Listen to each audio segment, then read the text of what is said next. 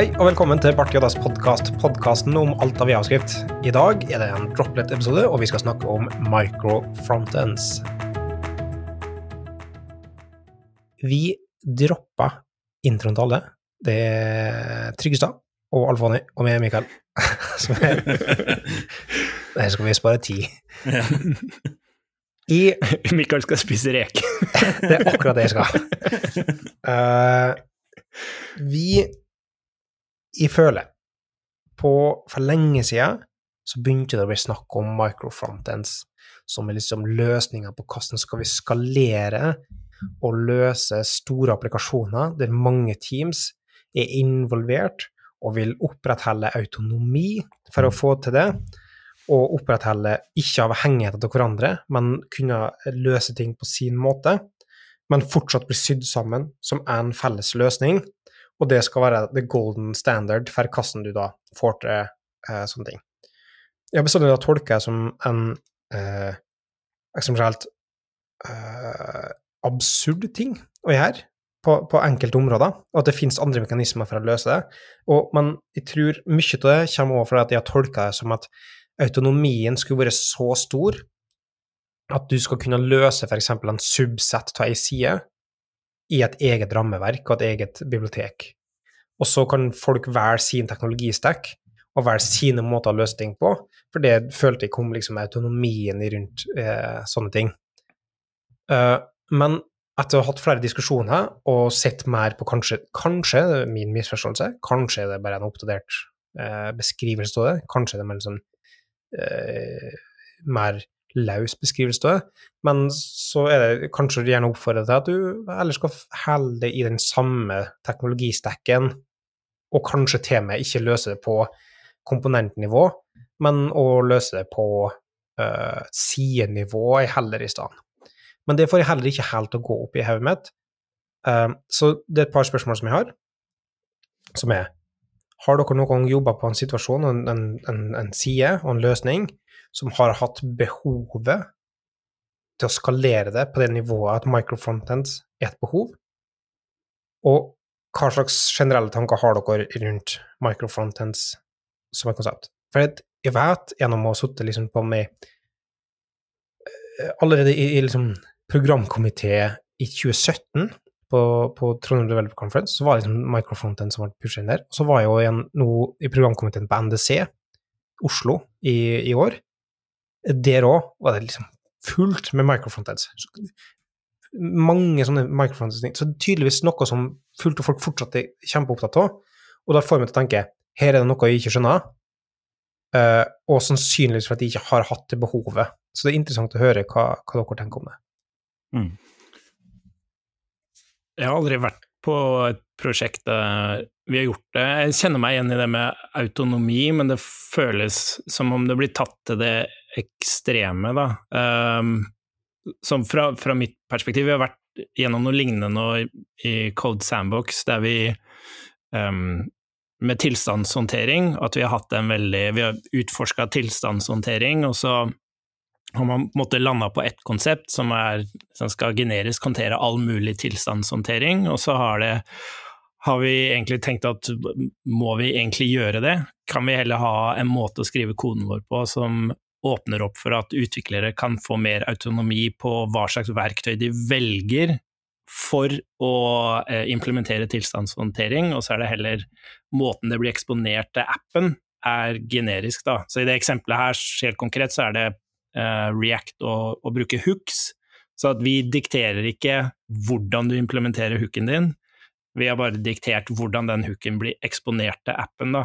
Uh, og det er for å få til autonomi, så ikke vi sitter her og sier sånn skal du gjøre det med dette rammeverket og sånn, men gi mer frihet. Da. Og det tror jeg tror jeg er viktig for at um, man skal liksom ha muligheten til å titte på nye løsninger og rett og slett bare trivsel som utvikler, for det er en faktor, faktor det òg. Men å liksom se på ja, med microfrontends, det for meg så er det å ta det litt, uh, ta det litt langt. Da.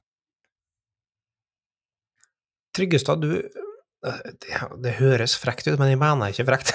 Men du slår meg som en som, i sto, som kunne ha vært tilbøyelig til å på en måte være med på den microfrontends-tankesettet? Nei, da tar du egentlig feil. Men Jeg, jeg baserer det utelukkende på grunn av at du er så stor Angler-person. Å ja. ja nei, men eh, Tenker du at det har noe med microfronteds å gjøre? Ja, det, for det eh, føles som skala, på en måte. Eh, det, ja. Ja, jeg må innrømme at øh, jeg har aldri vært på et prosjekt som har vært av den størrelsesorden at, at det har vært noe problem. At, at man har vært så langt unna hverandre at man har følt at uh, jeg vil gjerne sitte i ett rammeverk, og han ved siden av meg skal sitte i et annet rammeverk, eller Ja. Ja, det, det, så uh, Microfronteds har alltid vært litt sånn en absurd tanke for meg, så jeg har aldri satt meg skikkelig inn i det. Har bare på en måte forkasta ideen før jeg har lært meg noe om den. Men Ja. jeg ser jo for meg at det kan være, være noe for skikkelig store team. Altså Ja, Men da snakker vi Google og Facebook, liksom. Ja, ikke sant?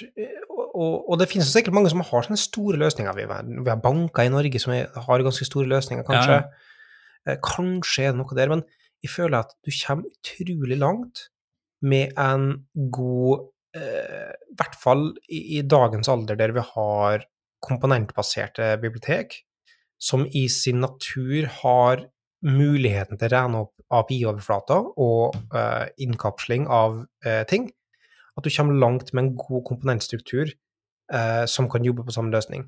Og hvis det er såpass store ting at du må ha egne dedikerte team som jobber på samme løsning, da høres det ut som for meg at det kanskje er på tide med egne produkter i større grad. Mm. Men jeg tror det rett og slett er bare skalaen av ting jeg har jobba på som gjør at jeg ikke kjenner på det behovet. Men per nå så virker det som at den teknologien er litt sånn så overdimensjonert at du må ha en skala som ikke i noen gang være i nærheten av, for at kostnaden til det det betyr å drive med, skal være verdt det. Mm. Mm. Og en ting er størrelsesorden liksom, i team, men også hvor lenge eh, skal det her vare? Man kan jo argumentere for at det skal være Hvis man først har det i fundamentet, da, så er det også lettere å bytte ut teknologi etter hvert som det kommer. Så hvis du har en løsning du har tenkt å ha der i 100 år, på en måte, så kan man si at ok, la oss ha et fundament som gjør det lettere å bytte ut, um, bytte ut teknologien, da. Men um, Ja. Jeg, jeg satt på den og las gjennom Det var noe som lenka til meg da vi tok opp den diskusjonen her en annen dag. Så lenka til meg eh, på Martin Fowler sin side, så deler han ofte artikler fra eh, ThoughtWorks i utgangspunktet. Og ThoughtWorks har hatt microfrontends på liksom sin radar innenfor Adapt, som anbefaler at det er noe du kan ta i bruk. Eh, og argumentasjonen, eller sånn, teknologigjennomgangen der på hva er det microfrontends i, utgangspunktet er, så er liksom, i sin enkleste form å ha en eh, Nginx-proxy som ligger og så router basert på URL-en din på forskjellige eh, løsninger i praksis. For at argumenterte for at sånn som microfronted, så skal du i utgangspunktet kunne kjøre dette individuelt uten å være avhengig av å bygge en sånn greie. Så det å ha f.eks. common libs og, og, og bruke NPM-pakker til subside og, og så videre, og så jobbe individuelt på det, mente at det ikke var godt nok, fordi at det forutsetter at du må bygge hovedløsninger hver gang noen gjør en endring, som er brudd med prinsipper i microservices, som vi på en måte kjøper, men samtidig også føles som en litt sånn semikunst, semikunstig um, begrensning og constraint å legge på det, for at kostnaden til å bygge en, en wrapper-applikasjon er kanskje ikke så mye. Du kan gjøre det med andre Kubernetes-type løsninger òg, liksom, sant? Så, ja. Mm. Ja, men det er faktisk et poeng jeg ser litt da, med når du begynner å få en applikasjon av en viss størrelse som bruker f.eks. Webpack, så begynner det å ta ganske lang tid å bygge den der eh, applikasjonen der. Så hvis du hadde fått splitta den litt uh, ut i flere mindre applikasjoner, sånn at byggetida blir mindre, så kunne jeg vært med på det. Og, og det kjøper jeg absolutt, men da er det ikke, da er det ikke microfrontends du snakker om. Da snakker jeg om egne produkter. Ja. Og det kan jo ofte være en fordel i utgangspunktet. Og så får du heller bruke liksom sånn etablerte konsensus, eller sånn konsensusbasert eh, eh, konvin... eh, hva heter det? Når du har sånn eh, hjelper, da. Når du har fastsatte konvensjoner å bruke for å få ting på en måte interoperativet mellom team, da. Sånn at det ikke er en sånn For det er kostnad ha helt sinnssyk autonomi òg. Det er at hvis du har fire-fem forskjellige produkter, og alle skal løse det på alt helt forskjellig måte, og i helt forskjellig programmeringsspråk Det er ingen som klarer den kognitive lasten til å bytte mellom det hvis du eh, men, men igjen, hvis du, har, hvis du snakker om den skalaen her, det her er aktuelt på, så er det sikkert så stort at du er massive team på hver enkelt løsning, og du, interoperabiliteten ikke er så viktig imellom. Da. Ja. Men jeg tenker jo litt sånn på på ytelse, eller altså egentlig bundle size, osv., osv. Ja, det er, den største, det den største kritikken til microfrontends, kanskje, da. Ja, Eh. at hvis du har microfrontends, så eh, ødelegger jo det bundle size og caching og alt mulig rart. Ja, med mindre du har liksom sånn codesplitta lazy loading med caching på individuelle sidenivå og så videre. Altså, men, men Ja. ja. Og, og, og det høres ganske komplisert ut. Ja, det gjør Men, jo, men samtidig, hvis du har en skala der dette her er et behov, så har du egne folk som kan sitte og jobbe med bare å få til det her rett, på en måte. Litt Ja. sånn som du har i liksom, Kubernetes-verden, der du må sitte og eh, holde på med egne terraformfiler hele tida for å bare konstant jobbe med å, å ha ting opp og kjøre, liksom. Men jeg tenker også, man, når man drar inn ting som serversiderendring og Ja. altså, Det kan jo fort bli veldig komplisert og krasje alt. Ja, jeg, altså, jeg er enig, altså. Jeg bare prøver å lete etter det, uh, jeg, jeg sliter med å se for meg når jeg skulle på en måte sittet i en situasjon og sagt at vet du hva, her så burde vi se på microphone, det, kommer, til- det kommer til å løse problemene våre. Det, Mm. det kommer så langt ut. Det er så mange ting som vi kan innføre før det blir aktuelt Mm. at det, det kan være tre prosjekt i Norge totalt sett, kanskje som, som dette dette kan være aktuelt, om, om så mye. Mm. Ja, jeg er enig. Det var det jeg hadde for i dag. Eh, Det hadde jo vært veldig interessant hvis noen av lytterne våre kom med erfaringer ja, det er sant. på området. Ja, og som faktisk har det i bruk, da. Ikke annet Ja, enn at uh, de liker tanken på det, kanskje. Ja. Ja, nei, for akkurat nå så trenger jeg Jeg, jeg, jeg har fått et sånn nytt tankesett på det rundt sånn uh, Kanskje ikke er så ille som jeg bestandig har tenkt, men jeg sliter litt med å prøve å tvinge meg sjøl til å finne ut hva som er så bra med det òg.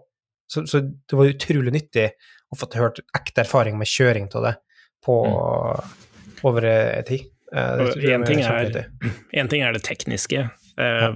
Det her er en sånn type ting som Det er ikke bare teknisk løsning. Nei, altså, hvordan påvirker det teamet og samarbeid, og hvordan kjøre de forskjellige prosessene og liksom Ja, det er ganske Mm.